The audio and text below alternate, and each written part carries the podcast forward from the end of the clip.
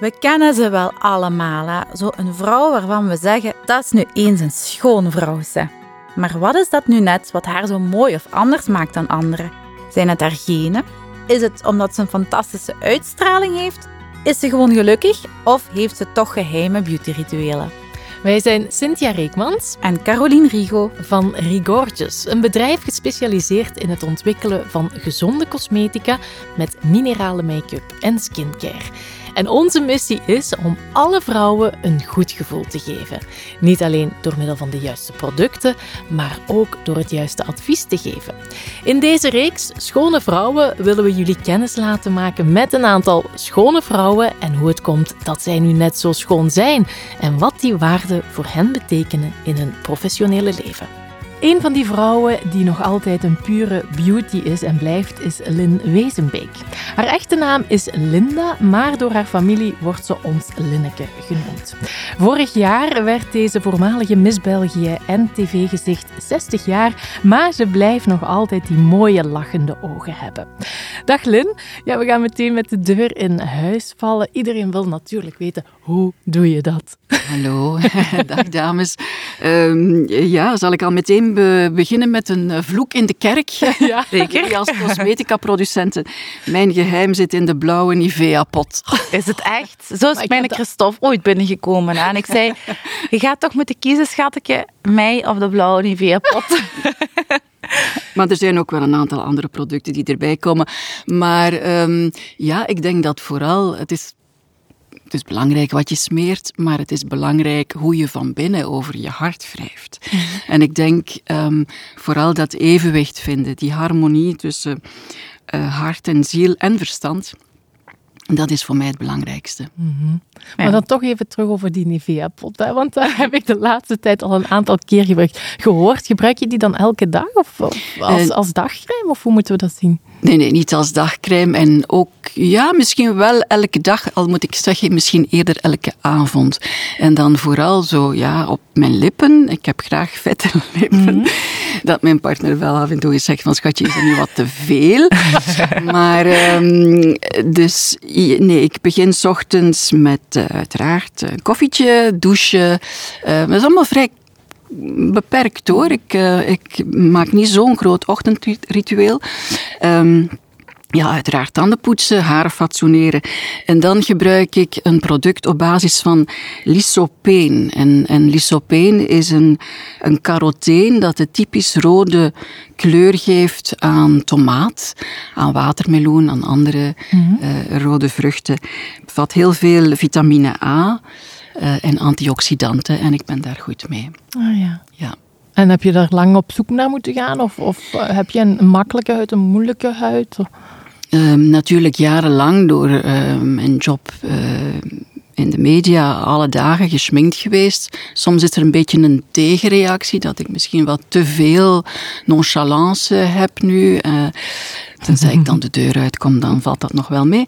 Maar, dus ik, ik, ja, zeker niet alle dagen make-up als ik geen professionele opdracht heb.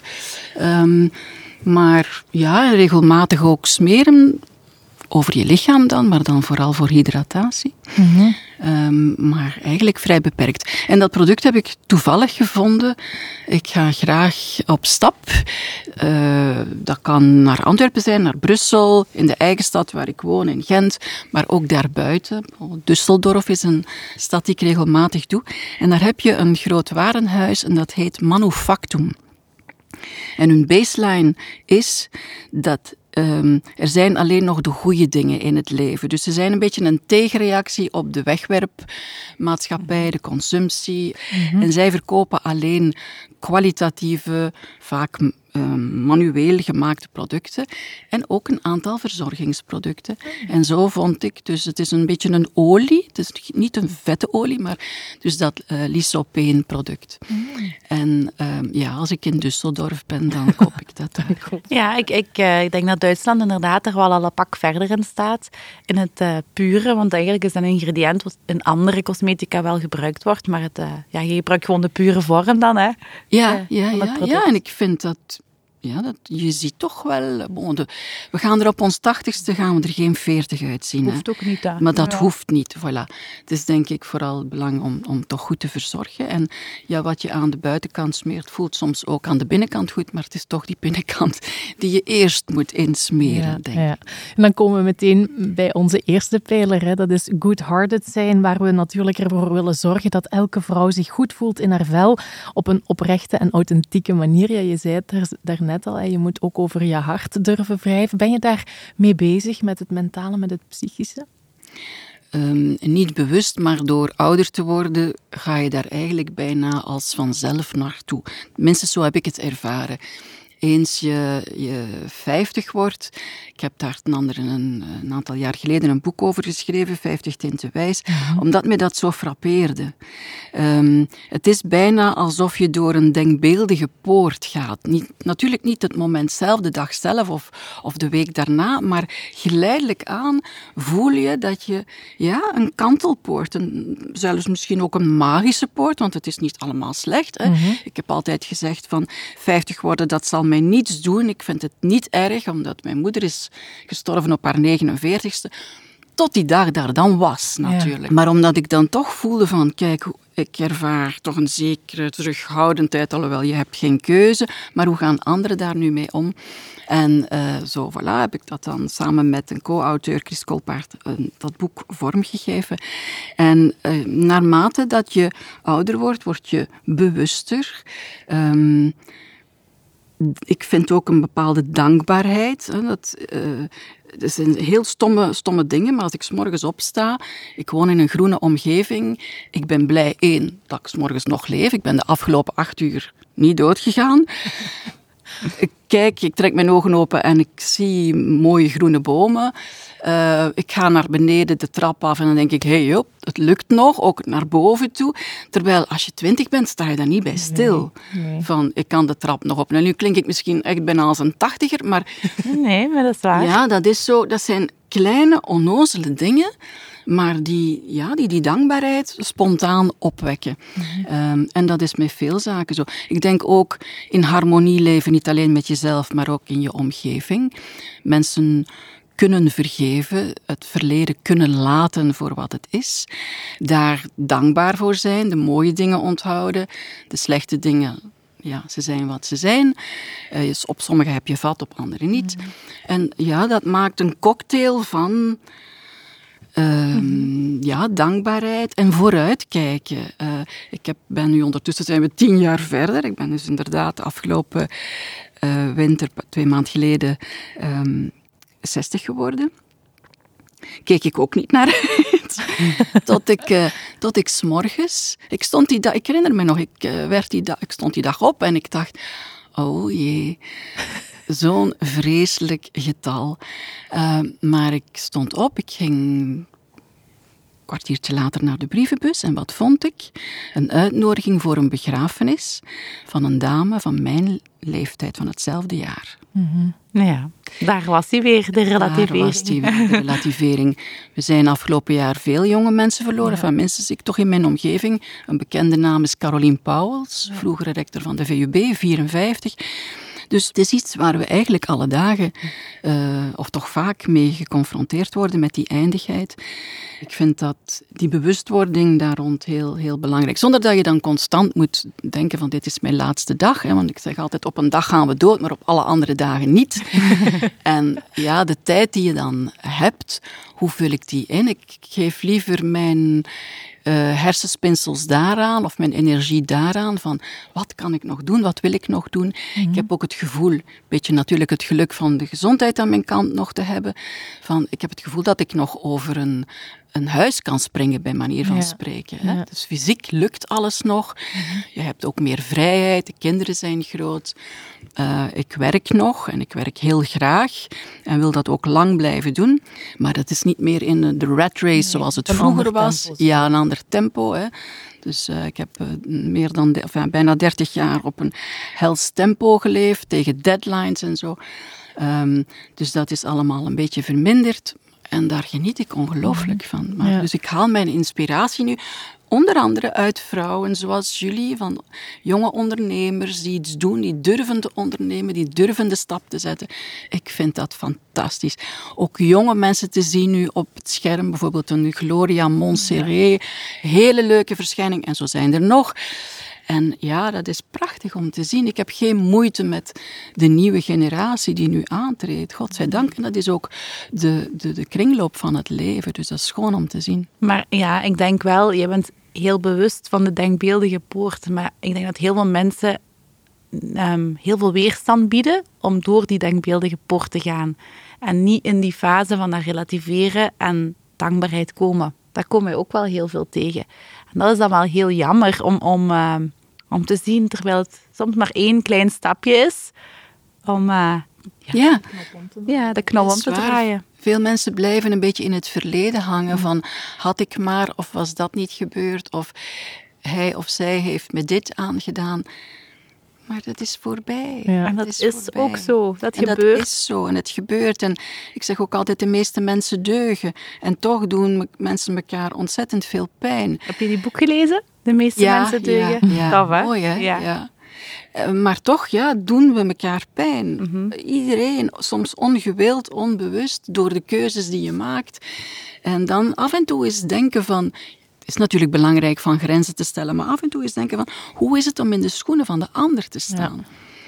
Wat is de beweegreden van de ander om iets te doen? En wat kan ik zelf doen om daar één, een volgende keer misschien niet meer mee in dat bad genomen te worden, of toch een betere versie van mezelf te worden? Waar ben ik zelf in de fout gegaan? Wat zijn mijn blinde vlekken? Mhm. Dat soort dingen. Mooie levenslessen voor uh, uw dochters al om mee te geven. Hè? Ja, ja, Zeer waardevol.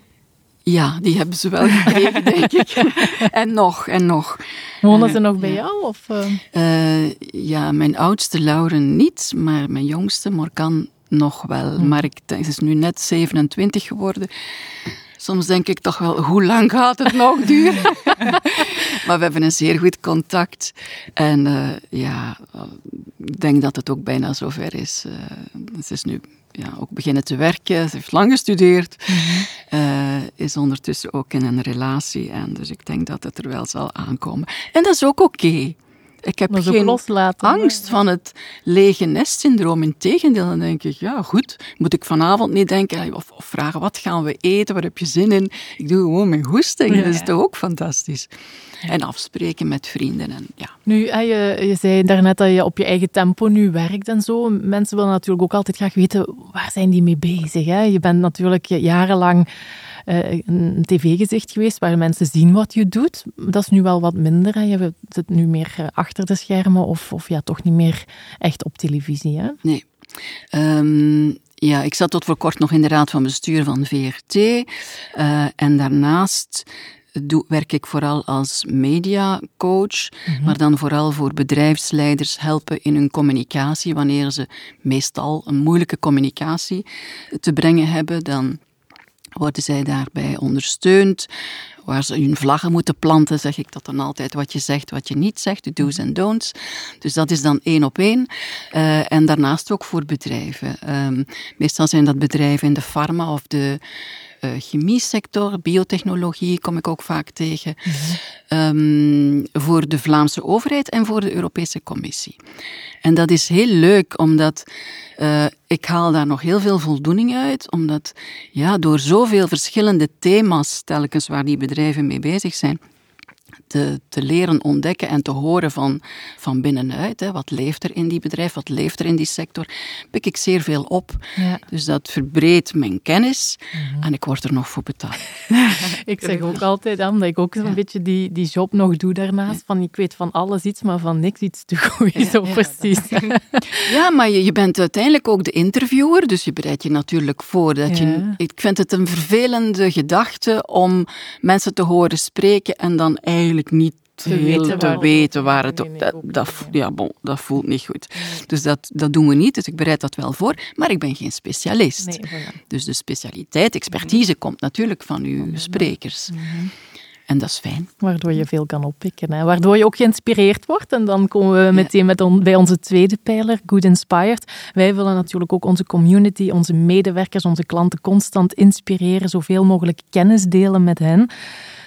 Door wie of wat word jij vandaag de dag geïnspireerd? Ik word eigenlijk vooral door mensen natuurlijk geïnspireerd in mijn omgeving of daarbuiten, maar ook door plekken. Mm uh, bijvoorbeeld, ja, zo de Manufactum in, in Düsseldorf is een plek waar ik blij word als ik naar Ierzeke ga, of Ierzeke soms, zoals mensen zeggen. In Nederland, waar je dan kreeft en oesters kan kopen. Ja, daar word ik gelukkig als ik daar kom. Dus dat geeft mij heel veel prikkels. Uh, ik zie dan soms dingen toevallig, dat ik denk van, ah, dat is leuk, ik ga er iets mee doen of ik ga daar meer over lezen. Maar dan natuurlijk ook mensen. Uh, ja, mijn eigen mama heeft mij die korte periode van haar leven toch voor een groot stuk gevormd. Ook haar dood heeft mij gevormd. Mhm. Zowel in mijn kwetsbaarheid als in het versterken van mijn ruggengraat.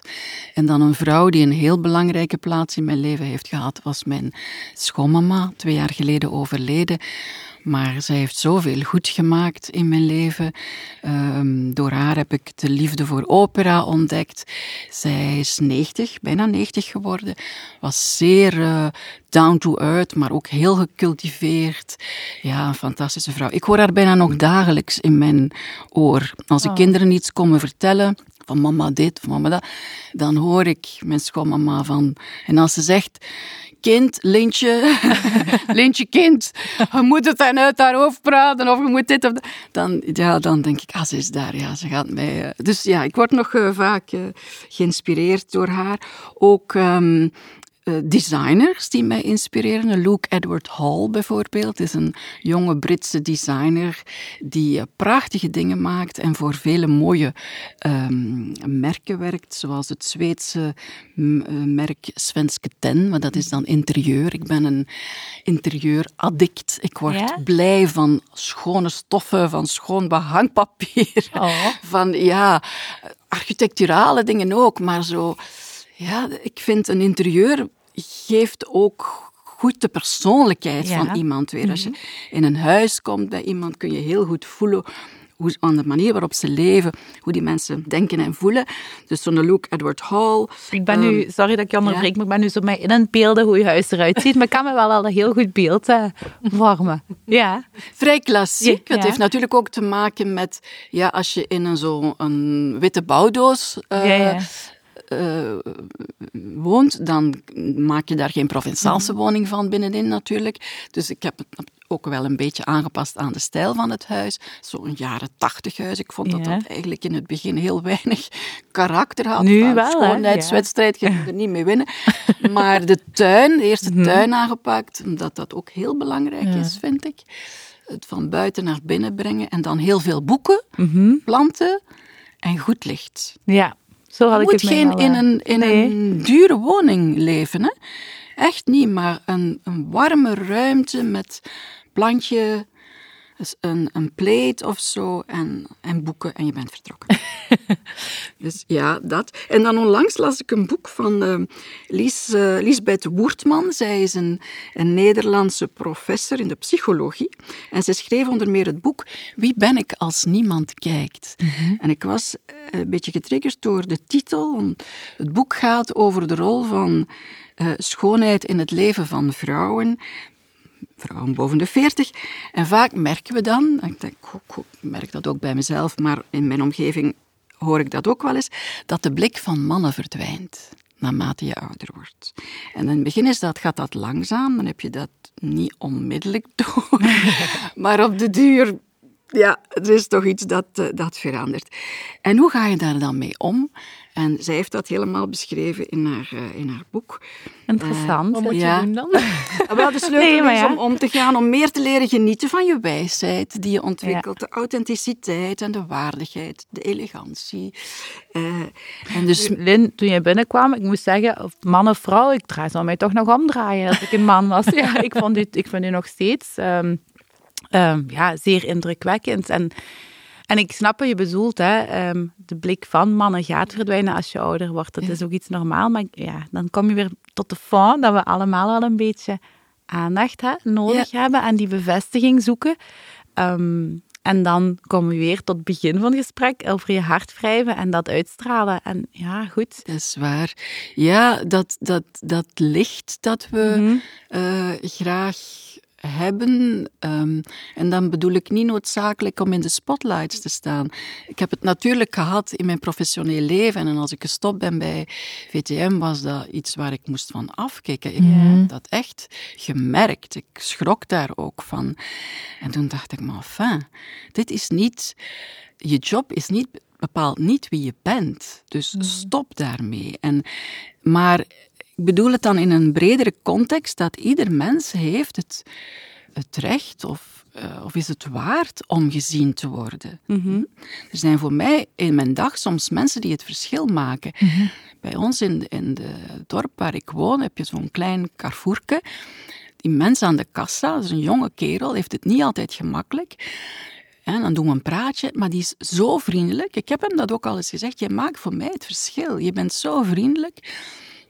En zo is dat nog. Uh, Ik heb ongelooflijk veel bewondering voor, voor mensen die s morgens, allee, vanmorgen zijn ze begonnen bij ons, we zijn met renovatiewerken bezig, die stonden om zeven uur aan ons deur, in weer en wind, in de kou. Ik heb daar bewondering voor. Mensen die het vuilnis komen ophalen, ik heb daar bewondering voor. Dus iedereen heeft het recht om gezien te worden. Ja. Dus dat is wat ik bedoel met dat licht.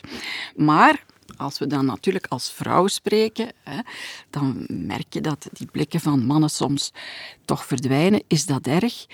Nee, maar het is wel leuk van ze te krijgen. We moeten daar ook niet flauw over doen.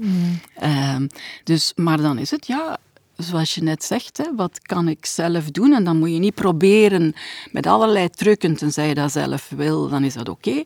Maar uh, ik denk dat het vooral een kwestie is van u goed in uw vel te voelen en te aanvaarden wat is. Ja. En dat was ook zo een, een uitspraak van Sophie Dutourdoir, de baas van de NMBS, in het boek 50 Tinten Wijs. Zij zei van, wat je niet kan aanvaarden, moet je veranderen. En als je het niet kan veranderen, moet je het aanvaarden. Ja. En zo is dat. En ja, op een dag worden we 80. Ik kom nu regelmatig in het woonzorgcentrum, doordat er een familielid zit. En daar ontmoet ik mensen die in de laatste fase van hun leven zitten, die het, het laatste hoofdstuk van hun leven schrijven. Mm -hmm. En ik, dat vind ik ook zeer. Dat heeft mij ook wel aangezet tot meer nadenken en bewustzijn van: oh ja, ik kan hier inderdaad met een trap nog op tien keer als het moet. Uh, ja, ja met, van, met een volle wasmand in mijn handen. Oh, godzijdank. Ja. Dus die gedachten had ik vroeger totaal nee. niet. En denk je nu soms van, ja, ik zit uh, in de voor, voor, voorlaatste fase. Wat wil ik nog doen voor ik in die laatste fase kom? Het kan ook, het, kan ook het laatste ja, blad kan zijn. alle momenten natuurlijk. Ja. Maar heb je nog zoiets wat je nog wel wil bereiken? Of dat je zegt van, dat wil ik nog zeker, dat staat op mijn bucketlist? Ja, ja, ja, ja. Ik wil uh, zeker nog niet stoppen met werken. Dus de, de jobs die ik doe, die ik daarnet heb beschreven, dat is natuurlijk mijn comfortzone, dat is wat ik ken. Maar daarnaast ben ik met een creatief proces begonnen, drie jaar geleden, net voor COVID. Ik dacht, je moet, ik wil iets bijleren, een, een vaardigheid bijontwikkelen. Want ik denk dat dat ook belangrijk is, dat je, je ja, iets kunt ontwikkelen waar dat je plezier aan beleeft. Dat kan tuinieren zijn, uh, reizen, golven, whatever. En ik kwam op um, boetseren. Dus ik ben uh, een aantal keer cursus gaan volgen. Dus niet aan een draaitafel met klei, hè, zoals nu veel vrouwen Mhm. doen, maar echt opbouw, boetseren. Dus bustes maken, beelden maken, zo beelden van 60 centimeter. En uh, oh, dat was zo'n openbaring voor mij, dat die handen in de klei steken en je bent alleen daarop Ja. gefocust. Dat gaf zoveel rust. Ik kon dat, je kan dat bijna in je woorden niet, uh, niet beschrijven. En toen kwam corona, begin 2020, lockdown. Iedereen sloeg toiletpapier in. Ik heb klei ingeslagen. En de hele tuin staat En de vol hele... Wel, eh, ja. Ik heb vorig jaar mijn eerste toonmoment gehad op een beurs in Beervelde. En daar heb ik een aantal hoofden verkocht. Ehm, maar dat was op zich niet de bedoeling. Maar ik word daar zo gelukkig van, van dat te maken, dat ik wel begin te denken van... Welke weg wil ik nu bewandelen? Een galerij, dus die hoofden tentoonstellen in, galer, in kunstgalerijen. Maar ik beschouw mezelf niet als een kunstenaar. Dus, dat- dus zover ben ik nog niet. Ofwel moet ik het nu denk ik van ja, ik zou eigenlijk, zoals ik gefascineerd ben door interieurs, eigenlijk wat Pascal Nasus doet met haar koken, dat is voor mij. Ik ben altijd bezig met kijken naar stoffen. Ja, ik heb tig boeken van interieurs. Allee, ja. En dan zou ik denken, ik zou graag bijvoorbeeld die hoofden in een concept store zetten, of in een, in een hotel, of ja, gewoon interieurs Dat lijkt me ook wel thuis. wat meer voor jou. Omdat je dan in zijn geheel ziet. Ja. Ik denk dat het misschien wel iets is dat ehm, af moet zijn. Het moet daar eens staan en dan komt het pas tot uiting. Ja, ja. En als je het in een galerij zet, ja, dan weet je niet waar het terecht komt. En ik denk dat, dat je persoonlijk misschien meer voldoening gaat hebben als het, dat je het maakt om ergens in een geheel te zetten. Ja, wel, de, die, dat toonmoment op de beurs was voor mij de eerste kennismaking dan met het publiek. Dat was best wel Ja, beangstigend, want Ja. ik dacht, ja, en, en mensen keken dan naar mij en zeiden, ah, ah, Lin, ah, ah, ah, ja, maar, ja, ah, we zijn blij dat we u nog eens zien. Weet u, ja, maar we weten nog. En, en wat doet u hier? Ja, ja, ik sta hier met mijn kopstukken, noem ik dat. Hè. Ik heb jarenlang kopstukken geïnterviewd, nu maak ik ze zelf. Ja. En dat zijn dus hoofden uit keramiek. Ik patineer die met een glazuur. En dan, ja, die hebben allemaal een bepaalde uitdrukking. En soms is het gewoon een, een puur object, hè, dus een, een hoofd als dusdanig. Soms maak ik ze open en dan kan je, er, eh, kan je ze gebruiken als vaas of keukenpiet. Ik heb zelf ook een keukenpiet thuis. Er staan dan houten lepels in en zo. En maar mensen vragen dan, ah ja, dat is wel een toffe in het wit, maar eigenlijk ons keuken is in het zwart. Kunnen we dat niet in het zwart krijgen? Maar dat is moeilijk, want dat gaat natuurlijk, maar het is handenarbeid. Ja, En ik werk daar soms een aantal dagen. Is een heel proces. Dus dat, dat moet ik nog Ja, duidelijk krijgen. Ja. Maar ik kan me wel voorstellen dat je dan zo helemaal je hoofd leeg kan maken, omdat je daar alleen maar op, eh, op gefocust bent. inderdaad. Je zei daarnet ook iets van, hè, je moet, of je kan allerlei trucken gaan gebruiken om hè, die ouderdom tegen te gaan. Dan komen we natuurlijk bij de vraag van, eh, die we bij iedereen ook stellen rond botox en fillers. Eh, hoe sta je daar tegenover? Iedereen moet doen wat dat hij wil doen. Eh, zelf eh, gebruik ik geen botox. Ik heb het denk ik twintig jaar geleden eens geprobeerd. Ja, dat is Ja. lang geleden. Nou, Ja, in twee, het moet 2004 geweest zijn. Dus ja, 18, eh, 19 jaar geleden. Maar dat, dat was echt niet goed. Dat, eh, je verandert volledig. Dus dat, dat doen we niet. Ik ben daar niet goed mee. Ik, eh, ik- nee, voor mij niet. Het enige wat ik één keer per jaar doe, is bij de dermatoloog een, eh, zo pigmentvlekjes laten verwijderen. En zij doet dat over de, het hele gezicht. En dat geeft wel een goede stimulans, Ja. vind ik. ja. Ja. Ja. Goeie tip. ook. Dat is zo het, het enige. En voor de rest, ja, uiteraard de bekende dingen. Hè. Gezonde voeding. en aan het eind, s'avonds, een beetje Nivea-pot. En slapen. Ik denk gewoon goed slapen. Dat is het beste. En water en slapen, het blijft eh, een klassieker. En bewegen. En ja, En, en mentaal ook bewegen. Want daar ben ik natuurlijk wel bang van. Als je dan Ja. komt in het woonzorgcentrum, dat is iets dat je toch niet helemaal in de hand hebt. Maar als het licht in je hoofd uitgaat. Ja, dat is ankelig, ja. ja, heel eerlijk, denk ik ook wel dat dat mijn grootste persoonlijke angst is. Zo het eh, mentale. Ja. Dat je zo... Ja. Gelukkig gebeurt daar veel onderzoek naar en tracht men daar toch. Hè, Mhm. De jaren gaan snel en de, Ja. de evolutie eh, gaat gelukkig ook snel. Dus misschien. Ja, dat is eh, wel heel erg hoor. Mijn oma was dement. Dat is echt, echt... Ook voor je omgeving is dat heel erg. Hè? Maar ja, ja, Niemand herkent of... of ja. nee. Dan is het kwestie om dat nu vast te leggen, om te zeggen van. Dat wens ik niet. Hè? Mhm. Dus dan moet je de moed voor hebben om dat nu Ja. kenbaar te Ja. maken. Anders is je familie er niks mee later. Onze laatste pijler binnen het bedrijf is Good Connected zijn, waarin we een heel toegankelijk bedrijf willen zijn, waarin we ook eh, plaats willen bieden voor feedback aan elkaar. Ehm, ja, je hebt er net al over je, je dochters gehad. Hè? Eh, een hele goede connectie met kinderen. Jazeker, ja, ja, ja, ja. Dat is, wij zijn echt eh, met ons drieën en zelfs met, met hun papa bij, hè, want we hebben een zeer goede verstandhouding. Dat is wat ik ook bedoel met ja, mensen van vergeven. Vergeven is in deze context misschien een, zelfs een, een niet juist woord, maar gewoon dat verleden laten voor wat het is en verder gaan met wat wel is. De zorg voor onze kinderen. hè. We hebben daarbij dezelfde missie. We praten daar ook nog. Nu is dat natuurlijk, zijn ze jongvolwassen vrouwen en is dat niet meer echt zo vaak nodig. Maar als ze opgroeiende tieners waren wel. En dus ja, we hebben een, een, een zeer goed contact. Met mijn schoonfamilie is dat contact ook altijd eh, heel, heel erg goed gebleven. En ja, wat ik vooral aan mijn eh, twee jonge vrouwen meegeef, is zelfredzaamheid. Hè. Ehm, En vooral dat je een plan B moet hebben. Ze hebben al twee uh, de kans gehad om te studeren. Misschien krijgen ze later kinderen en zullen ze stoppen met werken. Dat is hun keuze. Ik weet niet of dat. Ik zie dat niet onmiddellijk gebeuren, maar het kan en dan mhm, moeten ze dat mhm. zelf. Maar dan nog, aan alle vrouwen, jonge vrouwen die vandaag zijn gestopt met werken, om welke reden dan ook, zou ik toch willen zeggen: hou een plan B achter de hand. Maak dat je iets kan. Iets, al is dat ook een bepaalde vaardigheid, want op de dag dat het verandert, ben je nergens meer mhm. en ben je verloren. Het is heel belangrijk, denk ik, om, om mee te geven aan, aan jonge, jonge vrouwen. En dus dat is eh, de les die mijn kinderen uh, met de paplepel is ingegoten. Dus die zelfredzaamheid. En ook, ja, wees vriendelijk en, um, en bedachtzaam naar de ander, maar toch af en toe een beetje meer wolf en minder roodkapje. Mm Niet het hoofdje schuin en ja, like me, like me. Maar ja, gebruik je stem. Zeg waar het op staat. Mijn jongste is nu net beginnen te werken. Uh, en zij zegt, ja, ik voel toch dat ik nog wat meer haar op mijn tanden moet krijgen. En, in welke sector zit ze? Wel, het zal je misschien verbazen, ik heb er niets mee te maken. maar ze is begonnen bij VRT. Mm nog maar veertien dagen geleden.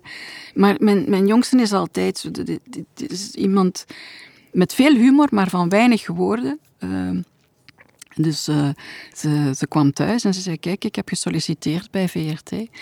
En haar taak uh, is de, en ik ben aangenomen. Uh, haar taak is daar de uh, formats die VRT ontwikkelt op vlak van entertainment naar het buitenland te brengen. Dus voor buitenlandse zenders. Ja. Heel fijn. Dus ja.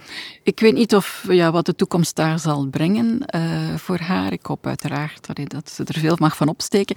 Maar dus ja, ze komt in een omgeving met 2000 andere collega's. En ik zei, ja, je moet eerst luisteren zeker luisteren. Alles begint bij luisteren, om het dan in de VRT-context te blijven. Um, maar ook op tijd spreken. Ja. Tijd je stem gebruiken en af en toe tegenspreken. Mm.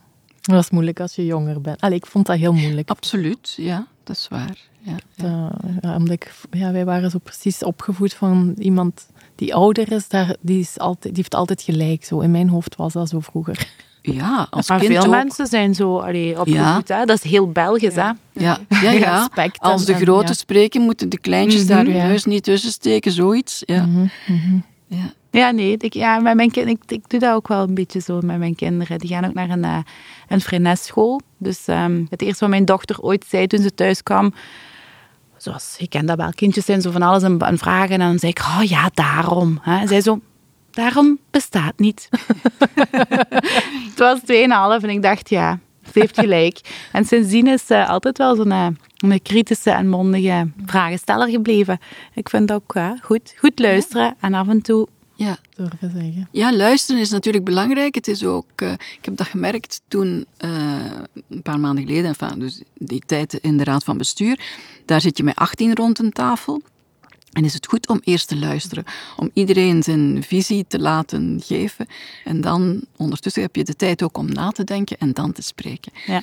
Uh, maar spreken moet je zeker doen. Je moet zeggen wat je wil, waar je naartoe wil. Mm um, ja, en dan tot slot, ik heb, ik heb je daar straks ook horen zeggen dat je een partner hebt. Dat willen de mannen dan natuurlijk ook allemaal weten.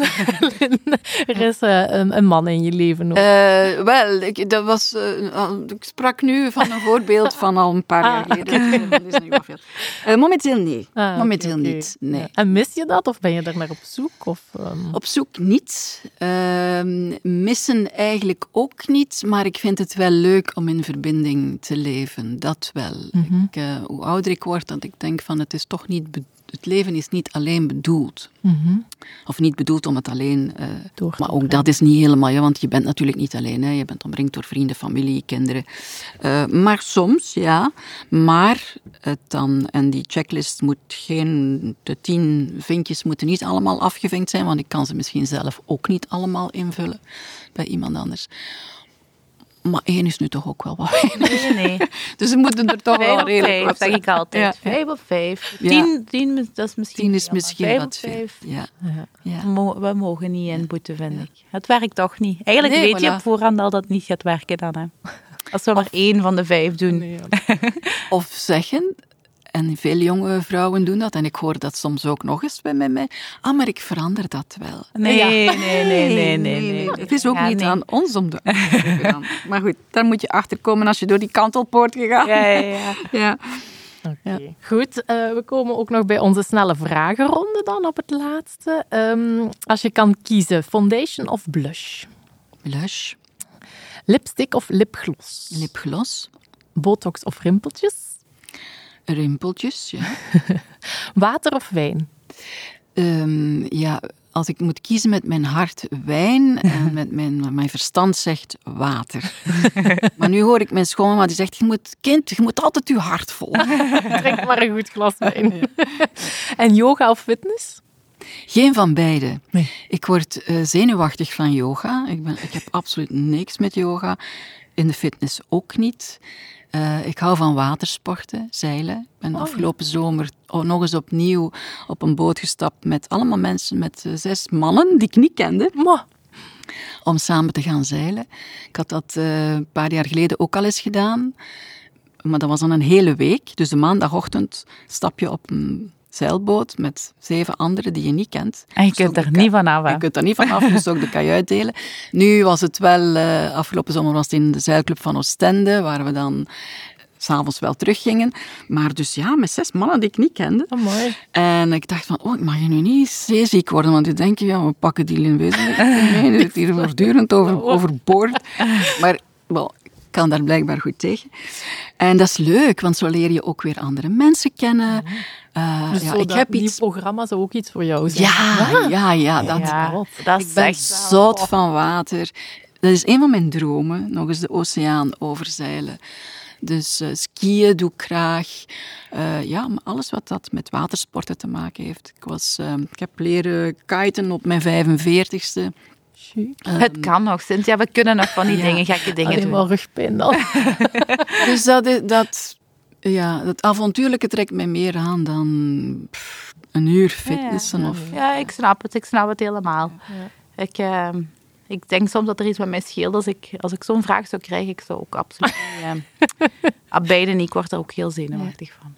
Ja, de top drie producten hebben we straks al een beetje gehoord. Ja, maar ik wil het toch nog heel even hebben over... ehm, ja, de Nivea, maar vooral het lichaam. Want jij zei op een gegeven moment van... ah, ehm, ik zweer mijn lichaam ook wel regelmatig in. Ehm, als ik denk- terugdenk aan mijn mama, die deed dat ook altijd. Die smeerde zich echt elke dag in. Ik vind het fantastisch. Dat zijn momenten die ik nog herinner van vroeger in de badkamer. Maar ik zelf doe dat dus niet. En als ik rond mij kijk, zie ik dat ook heel weinig gebeuren. En ik volg nogal de trends op. En eh, de, de nieuwe ehm, trend is bodycare is de new skincare. Dus er, er, gaat, er is toch wel een beweging dat we ons lichaam terug een beetje meer aandacht gaan geven. En daarmee vond ik het wel fascinerend wat je zei. Want ik doe dat wel. ehm, Ja. Regelmatig. ehm, Ik durf dat ook wel eens overslaan hoor. Of, maar bijvoorbeeld dan een olietje in bad of badparels. Eh, voor mij gaat er geen dag voorbij zonder een bad. Dus dat is mijn manier Echt, om ja? de dag eh, eh, af te leggen. Ja, eh, ik kan niet zonder bad. Eh, en dan daarna, als ik nog energie over heb, zal ik me insmeren. En anders doe ik het 's morgens, maar niet, niet fanatiek. Maar ik gebruik wel, ja, toch Ja. wel redelijk wat eh, bodycrème. En dan... Ja, ik zeg het, dat ene, dat tomaten... eh, ja. concentraat. en maar daarnaast ook wel hè, producten, soms met hyaluron. Mhm. Top, hè? Ja. De dermatoloog raadt soms ook wel eens dingen aan. Experimenteren, eens Ja. luisteren, wat doen de anderen? Wat ben jij tevreden? Oh, je ziet er goed uit, hoe komt dat? Ja, ik gebruik dat product. Wat ik bijvoorbeeld ook heb, dat had ik eh, van een hotel in, ehm, in Frankrijk. En dat heeft, dat is een crème, een witte crème, maar die zitten kleine roze partikeltjes in. Mhm. En als je dat zo op de jukbeenderen van ja. je schouderblad doet, Ja. Dan, ja, dat, dat geeft ook een bepaalde glow. Zo. Dat is wel leuk. En dus, ja, die, die, die blauwe Nivea, dat, waarom? Omdat dat, mijn grootmoeder deed dat, mijn moeder deed dat. Maar daar is ook Het niks is mis een mee, hoor. iconisch product. Maar natuurlijk niet om alle dagen volledig, dat is veel te vet. Maar zo, ja, de lippen, Nee, maar het is ook een, een puur vet en het smeert. Hè. Het is, de, het is de, de, hè, de olie wat het garnier nodig heeft, zeg ik altijd, om het goed de deur open en dicht te laten gaan. Dat is wat Nivea is. Ehm, dus daar is ook niks mis mee, absoluut niet. we moeten er altijd een beetje mee lachen. Ja, tuurlijk. Ja, maar dat begrijp ik ook wel. En er zijn ook wel uiteraard veel, veel gesofisticeerde producten. En daarom ook, ik zit hier met jullie aan tafel. Jij, Caroline, bent de founder van een, van een, een cosmetica-merk. Ik heb daar ongelooflijk veel bewondering voor, voor de drive en de, ja, wat dat je, dat, risico dat je wil mhm. nemen, het hard werken, want mensen zien dan alleen maar het schone daarvan ongelooflijk veel bewondering. Zeer dankbaar dat er producenten zijn die dat allemaal voor mij uitzoeken. En natuurlijk, die producten, als we 80 zijn, zullen we er 80 uitzien en geen 40. Maar dat is oké. In het beste geval zijn we gezonde tachtigers, want ook al heb je je hele leven gesmeerd, vergeet toch aan het eind en aan het begin van de dag de glimlach niet. Dat is oh. waar. Dat is wel een hele mooie om af te om sluiten. Af te sluiten. Dat verklaart ook waarom jij die mooie lachende ogen blijft houden. Dankjewel, Lin, voor je komst hier naar onze studio. Het was voor ons een eer om jou in onze podcast te hebben, Schone Vrouwen. En jullie kunnen natuurlijk ook nog luisteren naar onze andere podcast met onder andere Anke Bukings en Evelien Nosten.